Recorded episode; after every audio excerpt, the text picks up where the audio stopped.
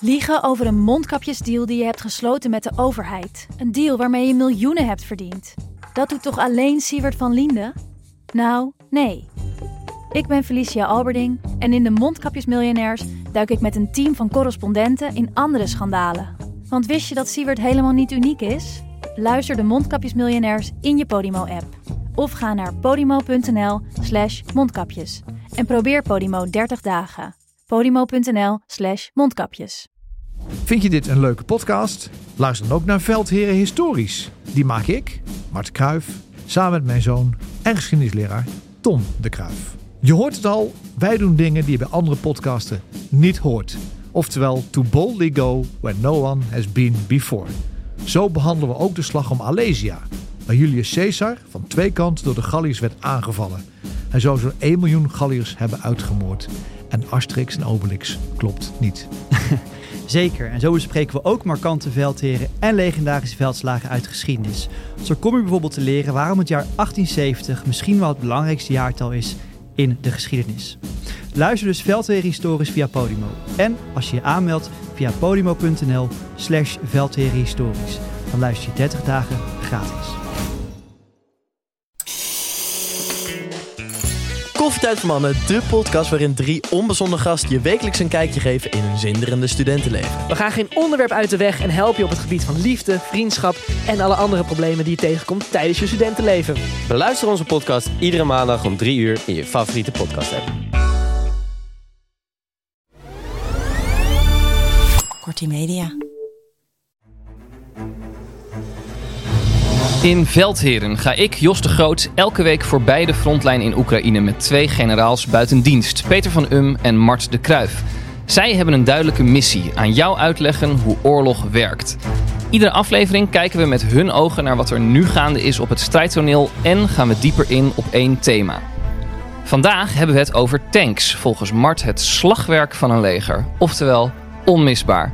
Nederland koopt 14 Leopard 2 exemplaren voor Oekraïne. Maar hoe gaan die het verschil maken in de oorlog tegen Rusland? Je luistert naar Veldheren.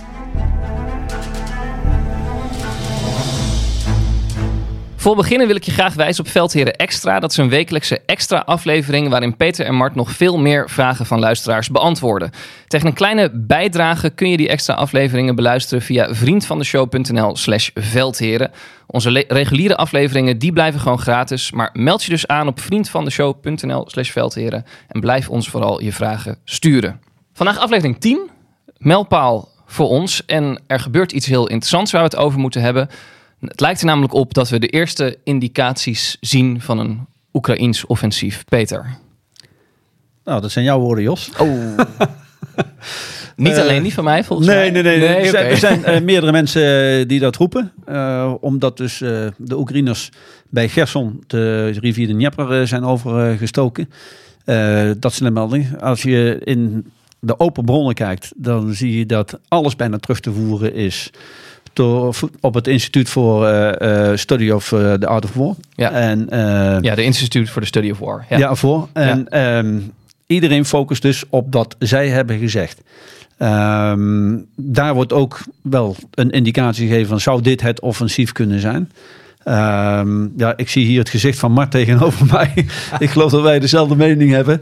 Ehm, ik, ik, ik verwacht eerlijk gezegd niet dat dit het, eh, het offensief is wat eh, de Oekraïners gaan inzetten. En, en, en, wa- en waarom niet dan?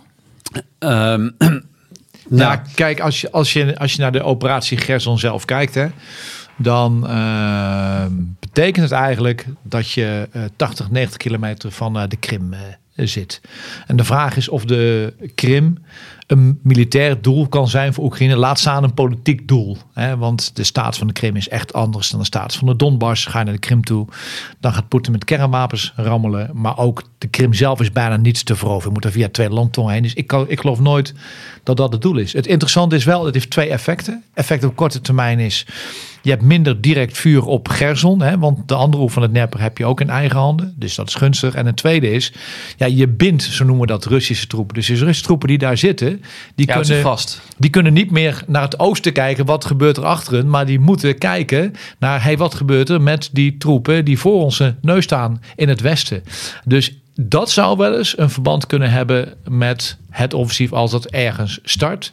Want dan bind je namelijk Russische eenheden en je leidt de aandacht af. Maar je dwingt ze ook om te reageren. Dus je kunt niet zeggen, ze is de Oekraïnse troep, dus hoeven verder niks te doen. Want dan geef je eigenlijk de noordkant van de Krim, die geef je prijs. Dus het is wel een slimme zet.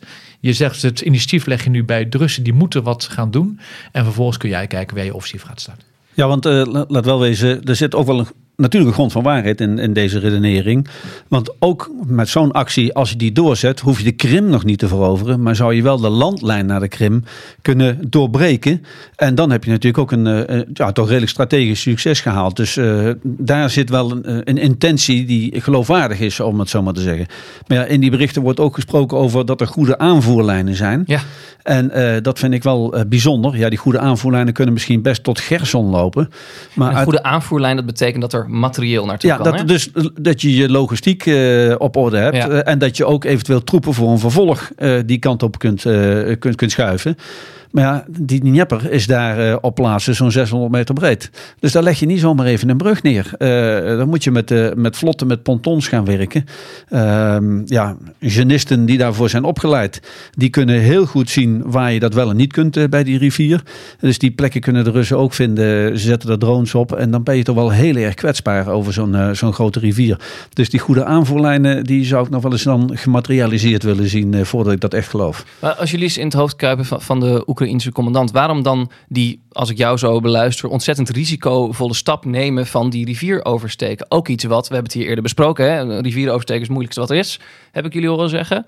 Um, waarom zo'n riskante operatie dan ondernemen? Ja, ik ben het uh, met, met Mart zeer eens, want ze dienen met zo'n actie meerdere doelen. Uh, en, en, ze halen er echt uh, meer profijt uit. Is één, als je op de andere kant van de oever zit, dan kunnen de Russen in ieder geval niet meer met rechtstreeks vuur, met gericht vuur, kunnen ze op de stad schieten. En in Gerson wordt momenteel gewoon platgeschoten. Dat is overigens hoofdzakelijk met artillerie. Dus dan moet je nog wel verder van de oever af aan de vijandelijke zijde. Maar in ieder geval met rechtstreeks vuur kunnen ze dan niet meer op die stad uh, schieten. En dat is wel al mooi meegenomen. Maar het is met name toch de dreiging die hiermee uit, uh, die dwingt de Russen om in ieder geval op een kop te krabben en na te gaan, moeten we hier wat tegen doen? En, en, moeten we de troepen binden daar? Uh, of we daar houden, of moeten we extra troepen sturen. Ja. Dus uh, dat is de winst die ze maken met deze actie. We, weten we hoeveel Oekraïnse troepen er zijn overgestoken? Nee, dat weten we niet uh, exact. Maar dat, dat zijn er meer dan een paar honderd. Anders kun je dat bruggenhoofd, zo heet dat, kun je niet houden. Maar je kunt het zien als, zeg maar, als de pion die het schaakspel opent. dat is nu eigenlijk wat er aan de hand is. Het is de opening van het spel. Alhoewel het natuurlijk geen spel is, het is oorlog. Maar zo kun je het wel vergelijken. En, en, en laten we niet vergeten dat uh, begin van de week hebben ze ook al wat speldenprikken uh, uitgedeeld. Begin vorige week. En ja, wij, wij focussen uh, de afgelopen weken, misschien wel maanden, heel erg op, op Bakhmut. Ja. nu kijken we naar Gerson. Maar we vergeten dat over de hele linie van het front er gewoon regelmatig heftig wordt gevochten. en laten we dus niet vergeten dat ja, ze proberen echt de Russen op meerdere plekken te binden. Zodat er zo min mogelijk flexibiliteit aan de Russische zijde is. En, en ja, er zijn ook allerlei berichten dat de Russen toch wel het gros van hun troepen aan het front min of meer uh, vast hebben gezet. En dat die troepen uh, hun best doen, maar ook uh, behoorlijk onderbemand beginnen te raken. Kijk, en als je dat koppelt aan het feit, wat van de week ook bij de NOS was, waar de verdedigingsvoorbereidingen allemaal zijn gedaan door de Russen, dus waar ze hebben ingegraven, zeg maar, ja. ze loopgraven hebben gemaakt, dan moet je eigenlijk tot de conclusie komen dat de Russen uh, zich voorbereiden op een defensief. En dat het Russisch offensief, en dat zeggen we elke week, dat is een beetje de terugkomende zetten we elke week, dat offensief dus niet van de grond is gekomen. En dat, dat is dat een opmerkelijke constatering. Ja, ja, zeker. Ja. ja. En ja, zeggend dat de Russen zich goed voorbereiden op een, een verdediging. Uh, er, is echt uh, informatie dat uh, de Russische verdediging soms tot 20 kilometer diep is, uh, is voorbereid. met allemaal linies waar ze op terug kunnen vallen. Ja, dat geeft dan ook wel even aan welke klus de Oekraïners te klaren hebben. Precies hierover hebben we een luisteraarsvraag. Die ga ik even ingooien. Um, Rutger schrijft ons. De Russen zijn al maanden bezig met het bouwen van zeer uitgebreide verdedigingswerken. Mijnenvelden, tankgrachten, drakentanden. Wat zijn drakentanden eigenlijk? Dat zijn betonnen uh, constructies die je op de weg zet. Okay. Of door het terrein waar tanks er niet overheen komen. Dus eigenlijk een tankhindernis. Helder. Nou, je, Ehm, je ziet ze in, eh, in sommige plekken in Nederland, eh, zie je ze nog wel vanuit de Tweede Wereldoorlog liggen. Ja, dat is, ja, zie je nog eens in de weiland of zo eh, Ja. voorbij komen. Eh, nou, die verdedigingswerken liggen er, gedekt door de beruchte Russische artillerie en ander geschut. En dan heeft Oekraïne, net als Rusland, ook geen luchtoverwicht, waarmee een en ander wellicht nog gecompenseerd had kunnen worden. Welke specifieke capabilities, tools en technologieën gaat Oekraïne gebruiken, of nog beter nodig hebben, om toch tot een succesvol offensief te komen? Ja, dan moet je even terug naar eh, de theorie, zeg maar. Een aanval, een offensief heeft drie fasen. Een inbraak, dat je de eerste linies van een tegenstander, dat je die gaat doorbreken. Een doorbraak, dat je alle linies gaat doorbreken en dan de uitbraak. En de eerste twee fases kosten natuurlijk ontzettend veel gevechtskracht. En Ja. je kunt het alleen maar doen als je op één, twee plekken alles concentreert wat je hebt. Dus je vuursteun, dat je tijdelijk luchtoverwicht hebt. Dat je probeert het terrein slim te gebruiken door met name daar waar geen hindernissen zijn risico te nemen. Bijvoorbeeld terrein wat voor tanks minder geschikt is. Dan kun je met infanteristen wel door bossen en door oorden lopen. Dus je kunt hem ook verrassen. Maar die eerste fase, en dat weten we, zal Oekraïne veel verliezen kosten. Die inbraak en die doorbraak is de meest heftige fase. De uitbraak, dan zit je eenmaal achter de linies en dan kun je tempo maken. Dus de vraag is, waar gaan ze die inbraak en doorbraak doen? Dat is de cruciale vraag. Ja, en dan heb je, eh, Mark noemt al verrassing hè, en concentreren van troepen. Maar hebben de Oekraïners ook nog de vraag, gaan wij het, eh, wat- ik heb het al geloof ik eerder gezegd, hè, shape the battlefield before you enter. Zeker. Ja, gaan wij dat battlefield shapen, maar daarmee geef je een stuk van je verrassing mogelijk weg. Want eh, je probeert natuurlijk die vijand daar waar je aanvalt, probeer je als kan eh, eh, te verzwakken. Dus je gaat kijken of je verkeersknooppunten, eh, of je die kunt, ja, kapot kunt maken, zodat ze niet makkelijk kunnen verplaatsen. Je gaat reserves, logistiek ga je eventueel aanvallen op afstand door de lucht. Het is een keus die je dus moet maken, die de Oekraïners moeten maken. Gaan we dat aan de voorkant doen? Doen we het op meerdere plekken, zodat ondu- onduidelijk blijft waar we uiteindelijk de aanval gaan inzetten? Dat zijn allemaal keuzes waar denk ik de Oekraïners nu heel hard mee bezig zijn. En, en eigenlijk als je alles bij elkaar optelt, geen Russisch offensief, een Oekraïns offensief, kun je weer zeggen dat het initiatief bij de Russen weg is en dat het initiatief nu ligt bij Oekraïne. En daar ligt het. Die hebben het initiatief, die gaan kiezen waar ze aanvallen en de Russen moeten daarop reageren. Dus altijd het voordeel van de verdediger is, je kunt je voorbereiden. Het nadeel is, je weet niet waar de aanvaller komt. En dat shaping the battlefield before you enter, is dat wat ze nu aan het doen zijn in Gerson? Of is dat lastig om dat al te kunnen zeggen? Nou, het, het hoort er wel bij, want Ja. als jij eh, de Russen eh, kunt binden op bepaalde locaties, zodat ze die dadelijk niet kunnen inzetten op de plek waar jij echt een drun wil uitdelen, dan ben je nu al bezig met dat, eh, ja, het, het prepareren van de situatie op een zo gunstige mogelijke manier, zodat jij de beste kans op succes hebt bij, jou, bij jouw aanval. We gaan ehm, bijna naar de tanks. Die kunnen natuurlijk ook nog een rol gaan spelen in dat offensief. Maar ik wil eerst nog even stilstaan bij iets anders. Namelijk bij de Panzerrups-voertuigen, de IPR's. Hele mooie reportage van de NOS zag ik deze week over hoe die panzerwagens worden opgeknapt. Notabene in Vriesveen, voor ze naar eh, Oekraïne worden getransporteerd. Ik dacht, wat, wat zijn dat eigenlijk voor voertuigen? Ja, dan moet, ik dat toch aan Mart laten, want die heeft er veel meer in gezeten dan ik. Ja? Nou, ze zijn in de jaren 70 ingevoerd omdat Ja. wij eh, behoefte hadden aan gemechaniseerde eenheden, zoals dat heet. Dus tanks en infanterievoertuigen.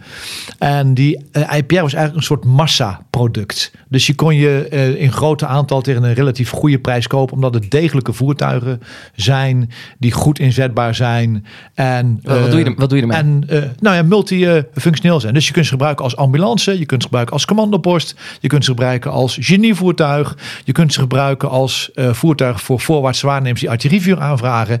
Je hebt ook het infanteriegevechtsvoertuig, alhoewel het niet echt het infanteriegevechtsvoertuig is, maar er zit er een kanon op van 25 mm. Nou ja, ze kunnen er ook mee schieten. We kunnen mee schieten. Dus het plan was, wij gaven ze in in oorlogstijd. We gaven een kuil, we zetten dingen in en dan kunnen we Russen mee afschieten.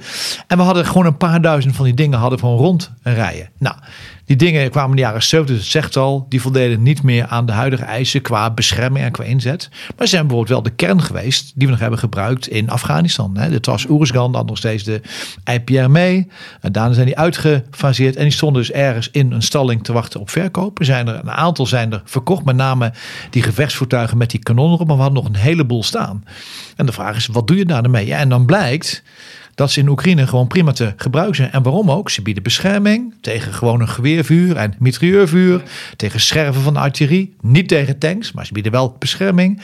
En ze zijn vrij degelijk. Dus ze stoppen ook niet zomaar. Als die motor eenmaal draait, blijft hij wel gaan. Als de Ja. rups eraf loopt, kun je hem zelf weer erop leggen. Dus het is ook wel een heel simpel, gedegen, robuust voertuig. Slagveldtaxis, begreep ik. Ja, ze noemen het battlefield taxi, maar ze gebruiken hem eigenlijk overal voor. Ja. Hè. Ze gebruiken voor ambulance. Ze Ja. gebruiken hem ook als infanteriegevechtsvoertuig. Inderdaad, om infanteristen snel naar voren te kunnen En jij brengen. hebt er dus eh, flink wat uren van je leven in doorgebracht. ik, ik denk dat er jaren van mijn leven in heb doorgebracht. Ja, ja. Dus als je mij zo'n ding geeft, dan kan ik hem zo starten en ermee wegrijden. En als hij het niet doet, kan ik hem weer maken ook. We gaan naar de tank. Ja, nieuws van de afgelopen dagen. Nederland koopt samen met Denemarken 14 Leopard 2 tanks voor Oekraïne. En de 31 Abrams tanks van de V- die de VS heeft toegezegd aan Oekraïne, die kunnen nog dit jaar worden ingezet op het slagveld. Nu weten we, Oekraïne vroeg eerder om 300 tanks. Weten we eigenlijk hoeveel ze daarvan inmiddels hebben toegezegd gekregen door het Westen? Nou, als je het over toezeggingen hebt, dan zijn het er meer dan 550. Ja. Maar die rijden nog niet. Eh, maar die rijden nog niet allemaal. Nee. Kijk, want daar, daar begint ook eh, een van de, de grote warrigheden, om het zo maar te zeggen. Omdat eh, in die 550 zitten allerlei soorten type tanks. Ja. Eh, er zaten eh, eh, oud-Russische tanks bij, die eh, veelal door Oost-Europese landen eh, aan hun werden gegeven. En die konden ook bijna direct worden ingezet. Ja, maar er zitten ook een eh, aantal eh, ja, West-Europese, Amerikaanse eh, types bij. En dat maakt het voor de Oekraïners natuurlijk wel, wel lastig. Want ja, het is mooi dat Amerika 31 Abrams tanks levert. En dat Engeland eh, 14 Challengers levert. Mhm. En dat er gelukkig wat meer Leopards worden geleverd. En ook weer in diverse types. Maar dat is natuurlijk wel een, een opleidings- en logistieke nachtmerrie om dat allemaal goed voor elkaar te krijgen. Ja, Da- daar komen we zo. Misschien eerst even gewoon de basics van de tank. Dat we even, even weten waar we het over hebben. We hebben net natuurlijk besproken wat, dat, wat je met zo'n Panzer voertuig eh, allemaal doet. Wat is een tank eigenlijk voor voertuig? Ja, misschien moeten we het toch eerst vertellen, eh, want er worden heel veel termen om elkaar gegooid. Ja. Je hebt allerlei soorten gepanzerde voertuigen. Ja. Een tank is ook een gepanzerd voertuig. Ja? En, en daar heb je verschillende types in. Mart noemde er net al een aantal. Hè? Dus die infanterie verplaatsen, of die genisten verplaatsen, of die een mortier trekken. Maar je hebt ook een, een gepanzerd voertuig waar gewoon een groot kanon op zit. Hè? Dat is gepanzerde artillerie. Hè, die heb je ook.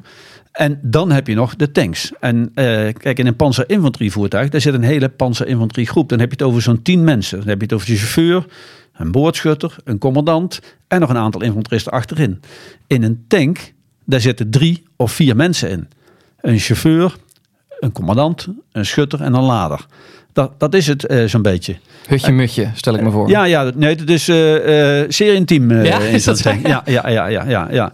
Nee, eh, ja, eh, sche- schertsend wordt er wel eens gezegd dat eh, eh, bij de meeste tanks eh, de chauffeur die kruipt voor in een, eh, in een luik en, dat is, eh, en dan gaat hij in zijn stoeltje zitten. Meer ruimte heeft hij of niet, dan, dan zit het stoeltje. Maar hij zit eigenlijk met zijn hoofd al ongeveer in het kruis van de commandant. eh, als, die naar, als die naar beneden gaat met zijn, eh, met zijn stoel. Dat schept een band. Ja, dat schept een band, om het maar zo te zeggen. Eh, dus nee, het, is, het is niet ruim eh, in, een, in geen enkel panzervoertuig eh, overigens. En die tank, die moet het hebben van zijn, eh, van zijn vuurkracht. Want daar zit op een tank, en dat is het grote verschil tussen al die andere voer- panzervoertuigen en de tank. De tank zit echt een groot kanon op, wat met directe richting hoofdzakelijk schiet. En heeft dan nog wel één of twee mitrailleurs erbij. Maar de vuurkracht is heel erg belangrijk. De bepanzering is heel belangrijk. En de mobiliteit, dus hoe snel die gewoon kan verplaatsen in het terrein. En dat is, dat is de kracht van, van een tank. Ja. En eh, ik, ik hoor Peter net al die, al die namen gebruiken. De Leopard, de, de Abrams. Waar komt, waar komt dat eigenlijk? Ik snap dat ze van, uit verschillende landen komen. Maar waar komt die namen eigenlijk vandaan? Ja, dat het is echt met, Het is helemaal eh, onderdeel van ons vocabulaire geworden door die oorlog. We weten allemaal wat een Ja, Leopard dat heeft is met opeens. cultuur te maken. Ja? De Britse tanks die beginnen meestal met een eh, C. We kennen wel de Centurion, de oude tank uit de eind Tweede Wereldoorlog. De Chieftain en de Challenger. Vraag me niet wat allemaal betekent. Ja, maar je het is nu wel wat nostalgische gevoelens naar boven. Zeker, zeker. De, de, de Centurion, ja, toen, toen waren we nog niet met duurzaamheid met z'n allen bezig. Eh, die verbrandde zoveel brandstof dat als hij bij verplaatsing over de weg had, hij een karretje erachter hangen. Dat was gewoon een extra brandstoftank. Want als je dat ding startte, was je geloof ik al een paar liter kwijt. Oh ja. Ja, en een paar 20 liter, 30 liter als het niet meer is. Maar eh, Duitsers eh, tanks hebben meestal de naam van een roofdier. We ja. kennen wel de panter en de tiger uit de Tweede Wereldoorlog. Eh, en nu heb je natuurlijk de leopard. Eh, maar de infanteriegevechtsvoertuigen hebben ook die namen van de Duitsers. De puma, de marder. Eh, dus kortom, zitten helemaal in de roofdieren. Ja. En de Amerikanen zitten meer op de eh, vermeende oorlogshelden. Dus eh, Sherman, dat was een uh, Amerikaans generaal uit de burgeroorlog. Abrams, zo nu dus ook een cavalerist. Patton, ze hebben ook de Patton tank gehad. Dus die zitten meer op, op namen van oorlogshelden. Maar dat is echt een cultuurdingetje. De Russen doen het voor ons vrij simpel. Die geven gewoon een jaartal. Okay. Dus je hebt de T54, T, T55, T62. Maar dat is ook niet zonder betekenis. Stel ik me voor. Dus dan weet je gelijk, Ja, nou de dingen is uit dat jaartal. Alhoewel, het zegt niet al te veel, want ze worden natuurlijk ook geüpgrade de hele, de hele tijd. Maar het is wel makkelijk voor ons om te herkennen. Want uh, oké, dat rijdt dat, dan is dat een T72 of dat is een uh, T90. Dat die herken je meteen? Nou, niet meteen hoor. Nee? Dat kost wel enige vaardigheden om, uh, om dat te doen. Dat En niet Wanneer zijn tanks eh, voor het eerst eh, in, in oorlogen op het slagveld ingezet? Nou ja, dan kom je terug op de functie van tanks natuurlijk. En dan moet je even terug naar de Amerikaanse burgeroorlog. Met eh, veldslagen met enorm veel doden. Dan kregen we de Frans-Duitse oorlog. Veldslagen met enorm veel doden. Cavalieriecharges met 20.000 paarden. Er bleef er weinig van over. Want die vuurkracht was zo toegenomen door mitrailleurs en door kanonnen. Dat de verliezen ontzettend hoog opliepen. En Ja. toen is iemand gaan denken. Wat doen we nou eens als we iets maken wat door het trein kan verplaatsen. Wat bescherming biedt aan mensen en wat nog kan schieten ook. Hè. Dus heb je al die drie aspecten. Mobiliteit, bescherming en vuurkracht. Hij is begonnen met zeg maar, panzerplaten te lassen op een tractor. Want rupsbanden waren al aan het eind van de 19e eeuw uitgevonden. En in de Eerste Wereldoorlog zijn er een aantal mensen geweest in verschillende landen die zeiden: Weet je, als we nou die rupsbanden eens een keer eh, om een voertuig heen doen. En daarmee gaan we door het terrein rijden. Nou, de meest bekende is in Engeland. De eerste tank. Dat eh, was de Mark 1, die is gebouwd in Engeland. Dat, dat ziet eruit als een soort wiebetjesdoos met twee rupsbanden aan eh, de buitenkant. Eh, dat is eigenlijk de eerste tank. Eigenlijk geen tank zoals wij die nu zien, want hij had geen koepel. Je moet gewoon iets als een enorme stalen gevaarte, wat met klinknagels aan elkaar is gelast, wat door het trein rijdt. Nou, dat ding dat werkte voor geen meter.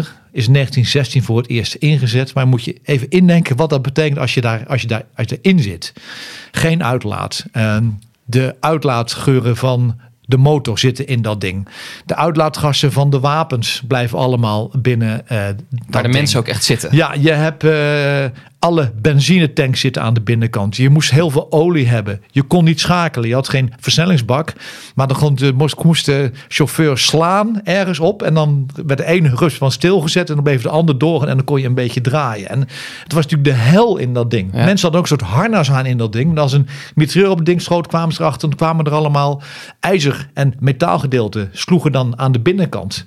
Door de impact. Doorheen. Ja. Dus het was niet echt vrolijk om eh, Nee. te doen.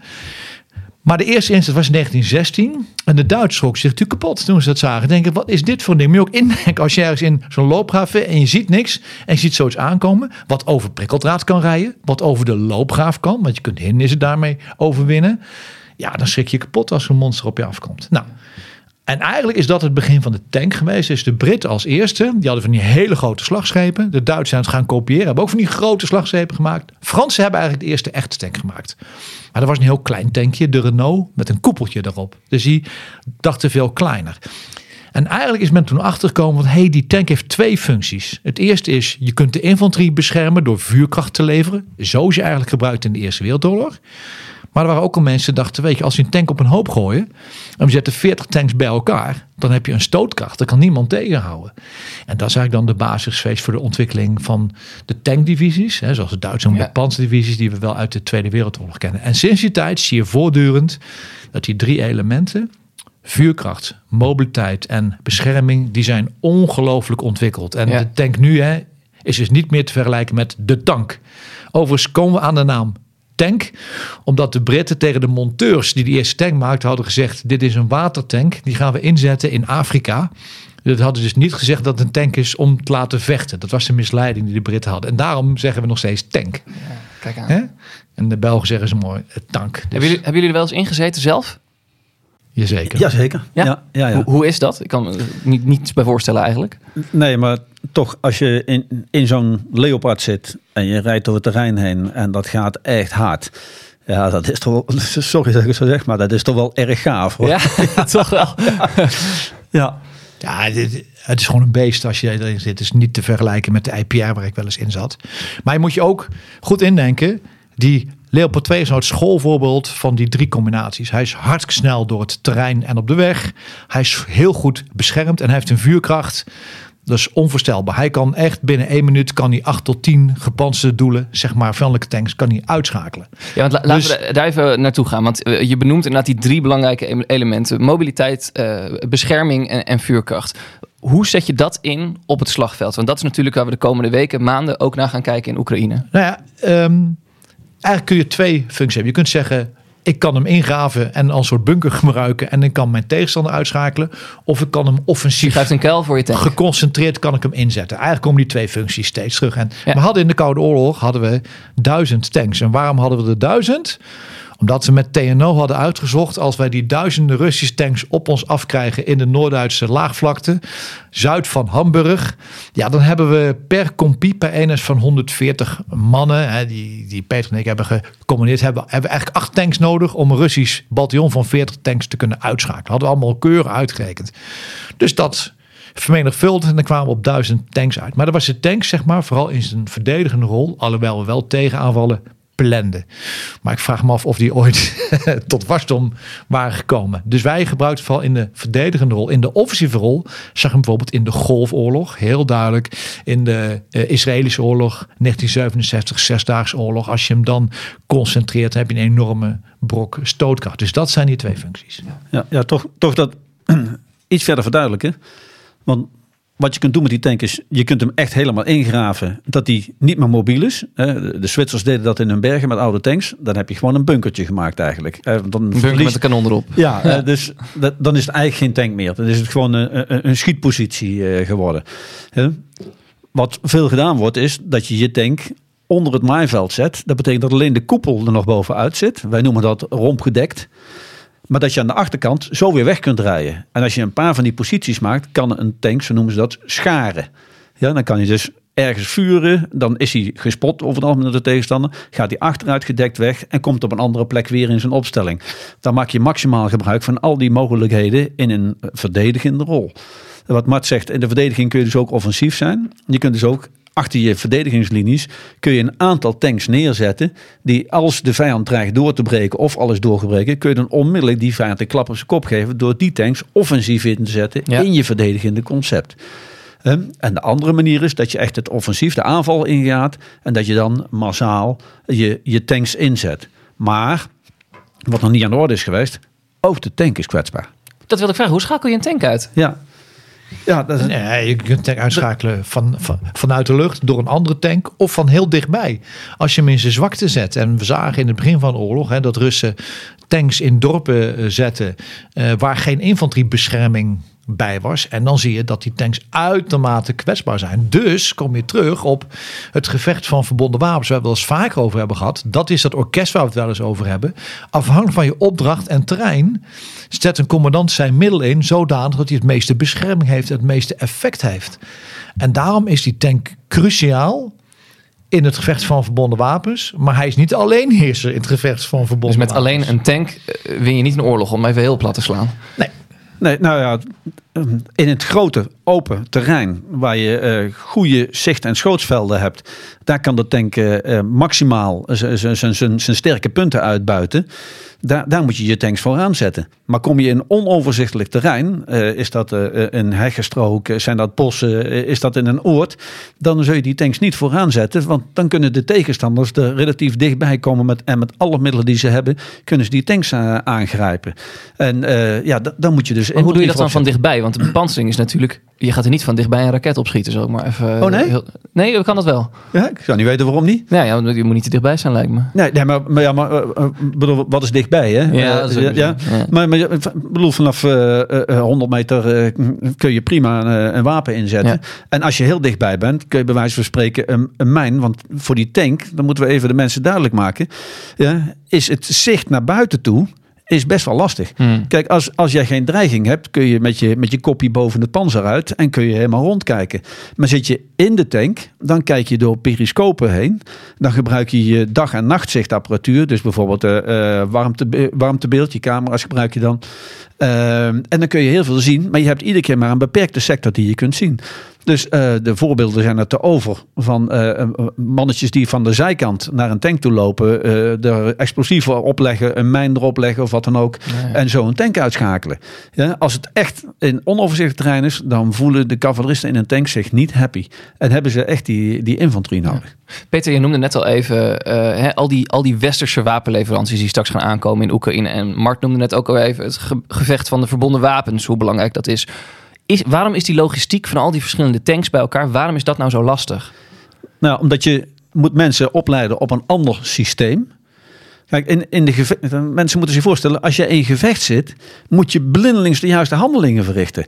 In een tank moet je keuzes maken. Welk doel val je als eerste aan? Eh, is dat een, eh, eh, een zwaar gepantserd doel? Of is het misschien wel een ongepantserd doel? Dat betekent dat je keuze moet maken welke munitie je moet gaan gebruiken. Daarvoor moet je knopjes bedienen en dat soort dingen. Die moet je gewoon blindelings kunnen vinden. Dat moeten automatismen zijn. Ja, dus, dus je moet heel erg trainen op dat soort type tank.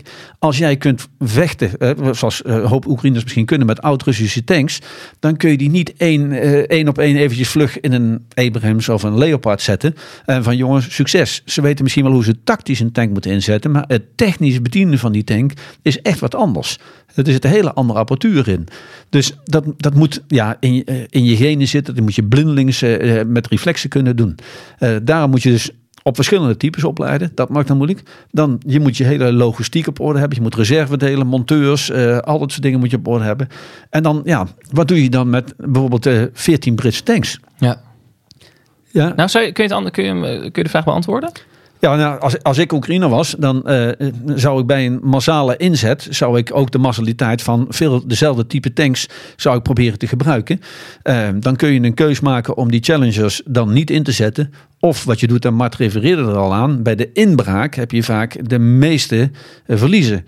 Ja, die Challengers zijn eh, verdomd goede tanks, zijn goed, goed gepantserd. Nou, zet die dan maar bij de inbraak in. Ja, en, en koop dan maar dat je er daar veel van kwijtraakt. Een andere optie is dat je die Challengers juist gebruikt op plekken waar je je verdediging wil ondersteunen. En waar je dus maar een relatief klein aantal tanks nodig hebt. Ja. Maar hou ze in ieder geval bij elkaar. En, en dan kun je daarmee, eh, als er toch een, een, een, ja, een Russische tegenaanval of wat dan ook is, kun je nog eens een keer wat, eh, wat terug doen. Ja. Ja, dus dat soort keuzes, daar zitten de Oekraïners nu allemaal mee. Kijk, eh, het is, het is niet alleen de tank zelf wat eh Peter zegt, maar ook hoe je hem inzet. Dat is cruciaal. Hè?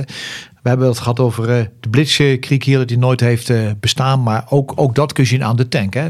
De Fransen hebben de tanks ingezet en de Engelsen ook als ondersteuning aan de infanterie. Dat is zeg maar één van de inzetmogelijkheden van de tanks. Om de infanterist vuurkracht te geven. De Duitsers hebben gezegd, dat gaan we anders doen. Hè? We gaan tanks concentreren.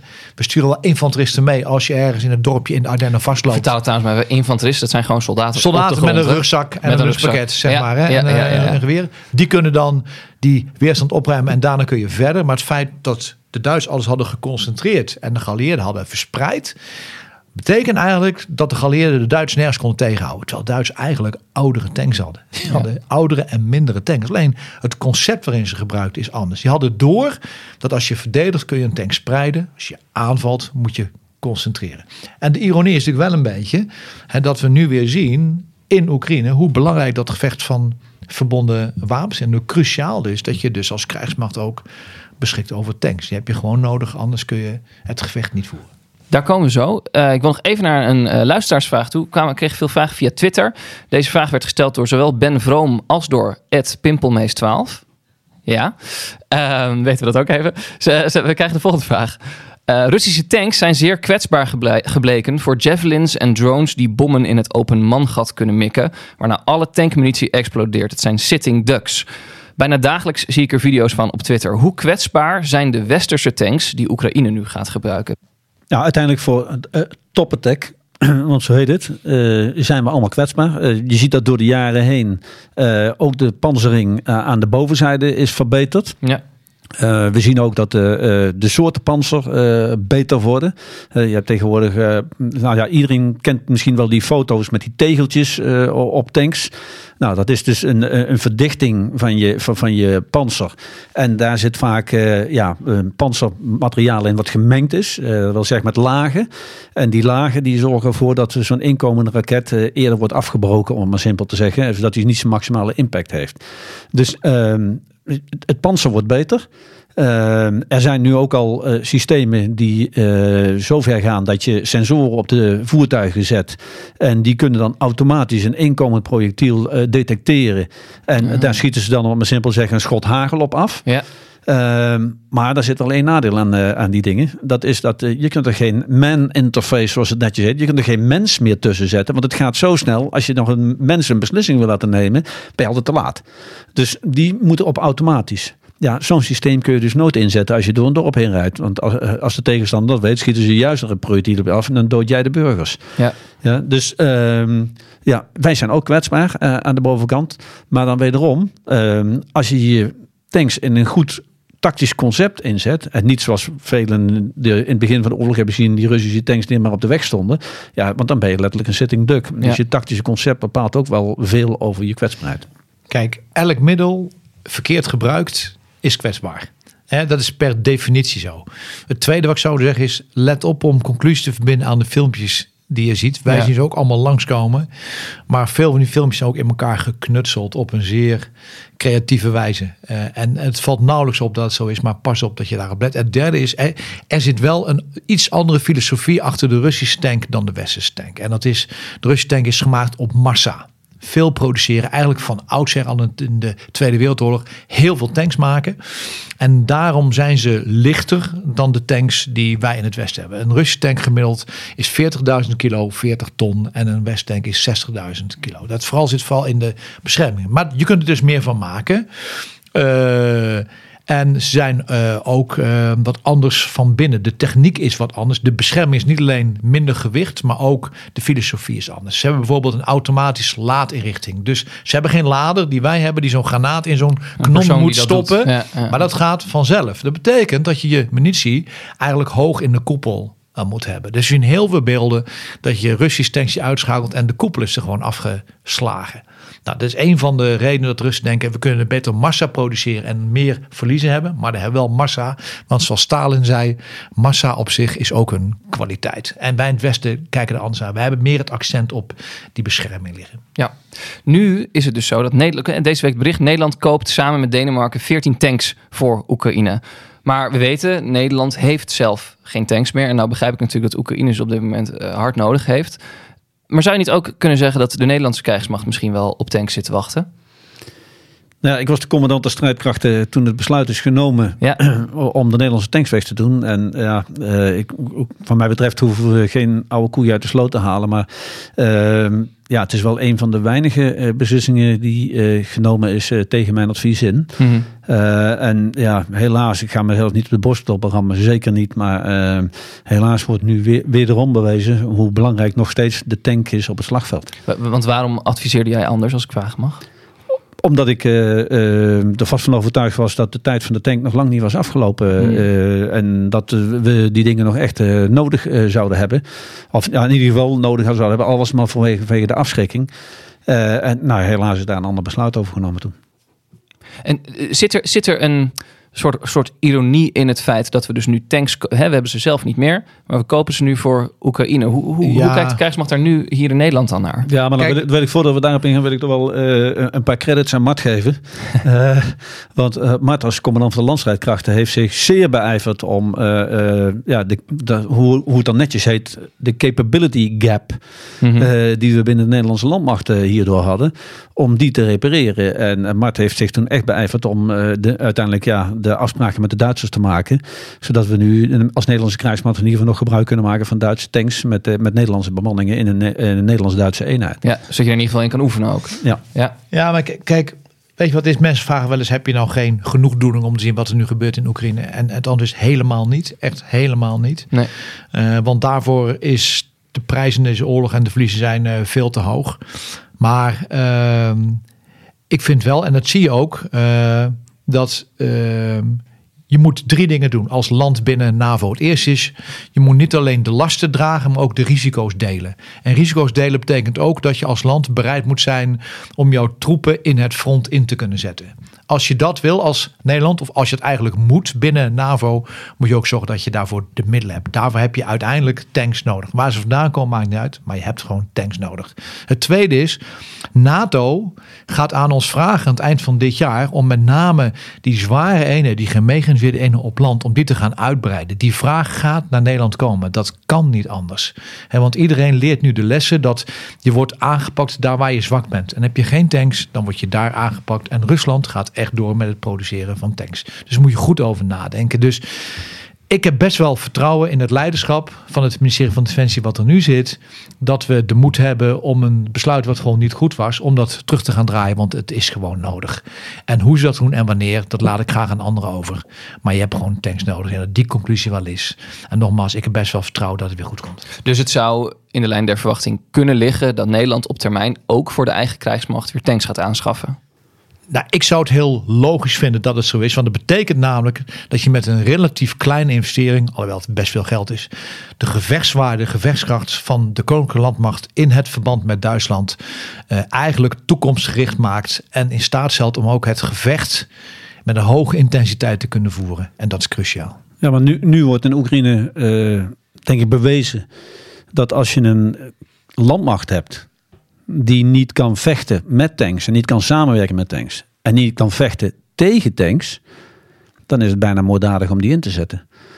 Dus we zullen een heroverweging moeten maken van dat uh, genomen besluit.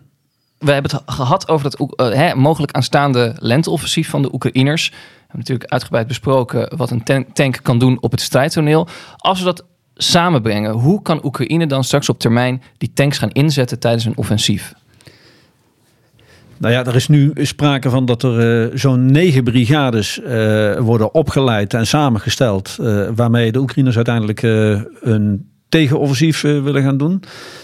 nou, wat ik heb begrepen, hebben ze bij hun eerdere tegenoffensief zo'n drie tot vier brigades ingezet. dus dit is aanmerkelijk meer wat ze achter de hand hebben. het, het zou denk ik het verstandigste zijn als je uh, uiteindelijk verrassend geconcentreerd op één plek probeert die inbraak en die doorbraak uh, te forceren. En als je dan nog capaciteit overhoudt om dan die uitbraak ook nog te doen, ja, dan kun je enorm veel terreinwinst uh, boeken. En dan kun je de tegenstander een behoorlijke klap geven.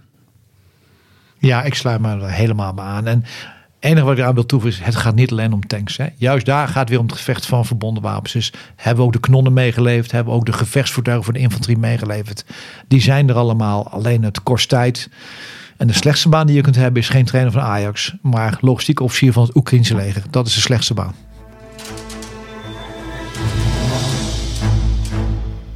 Dan kijken we nog even vooruit. Ik vermoed dat ik het antwoord op de vraag wel weet. Maar ja, waar gaan jullie op letten in de komende dagen totdat wij weer eh, bij elkaar aan tafel zitten volgende week? Ja, ik ben natuurlijk toch benieuwd hoe, het in, uh, in de omgeving van uh, Gerson zich uiteindelijk gaat ontwikkelen. Uh, zowel wat doen de Oekraïners, maar hoe reageren uh, de Russen daarop? Laten we vooral Bachmoed niet vergeten, want uh, daar is toch wel het een en ander aan de hand. Hè. recentelijk is weer naar buiten gekomen dat meneer Wagner zelfs de nieuwste Russische tank opeens ter beschikking heeft. en dat hij die ook nog aan het gebruiken is in de omgeving van Bachmoed. Dus ja, daar is ook nog wel het een en ander aan de hand. Ja, en we, we wachten natuurlijk met z'n allen op wanneer en waar en hoe gaat het uh, Oekraïnse offensief plaatsvinden? Ja, uh, ik kijk vooral naar het uh, offensief van Oekraïne. Um, Wat nog even duurt, Marten.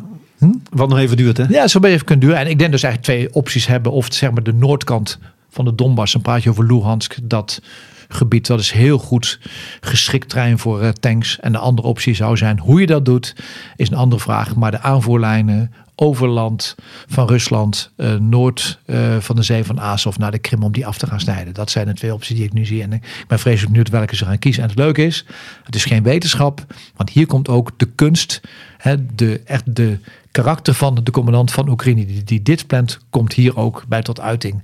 Dus daarom is het ook zo onvoorspelbaar. Ja, en wij, wij verklappen hier niet zo uh, aan de Russen, want die zitten gewoon ook zelf na te denken van waar, waar gaat het gebeuren. En die schatten waarschijnlijk ook in dat dit de twee meest logische opties zijn. Uh, en ja, Mart vertelt het ook in zulke termen, dat die acties kun je dan nog steeds op verschillende plaatsen uitvoeren. Ja.